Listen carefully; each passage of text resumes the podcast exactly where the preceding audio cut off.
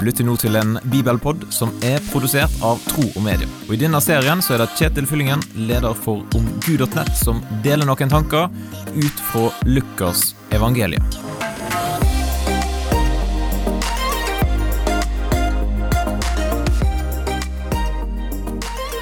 Hvor mange folk eh, kom da? Vi har lett for å henge oss opp i tall. Hvor mange som dukket opp på et møte vi arrangerte, eller hvor mange som så videoen med det ut på Facebook, eller hvor mange som lasta ned podkasten vi publiserte. Johannes døperen, han hadde et helt annet fokus.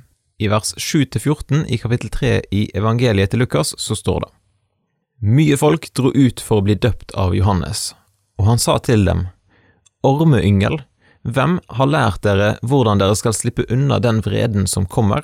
Så bær da frukt som svarer til omvendelsen.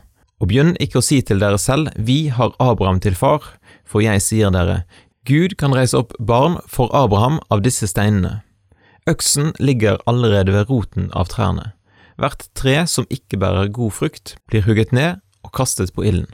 Hva skal vi da gjøre? spurte folk. Han svarte, Den som har to kjortler skal dele med den som ikke har noen, og den som har mat skal gjøre det samme. Det kom også noen tollere for å bli døpt, og de sa til ham, Mester, hva skal vi gjøre? Krev ikke inn mer enn det som er fastsatt, svarte han. Også noen soldater spurte ham, Hva skal så vi gjøre?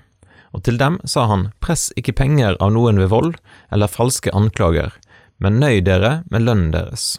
Vi ser da at Johannes han var ikke opptatt av antall mennesker som møtte opp, men han var interessert i forandra liv.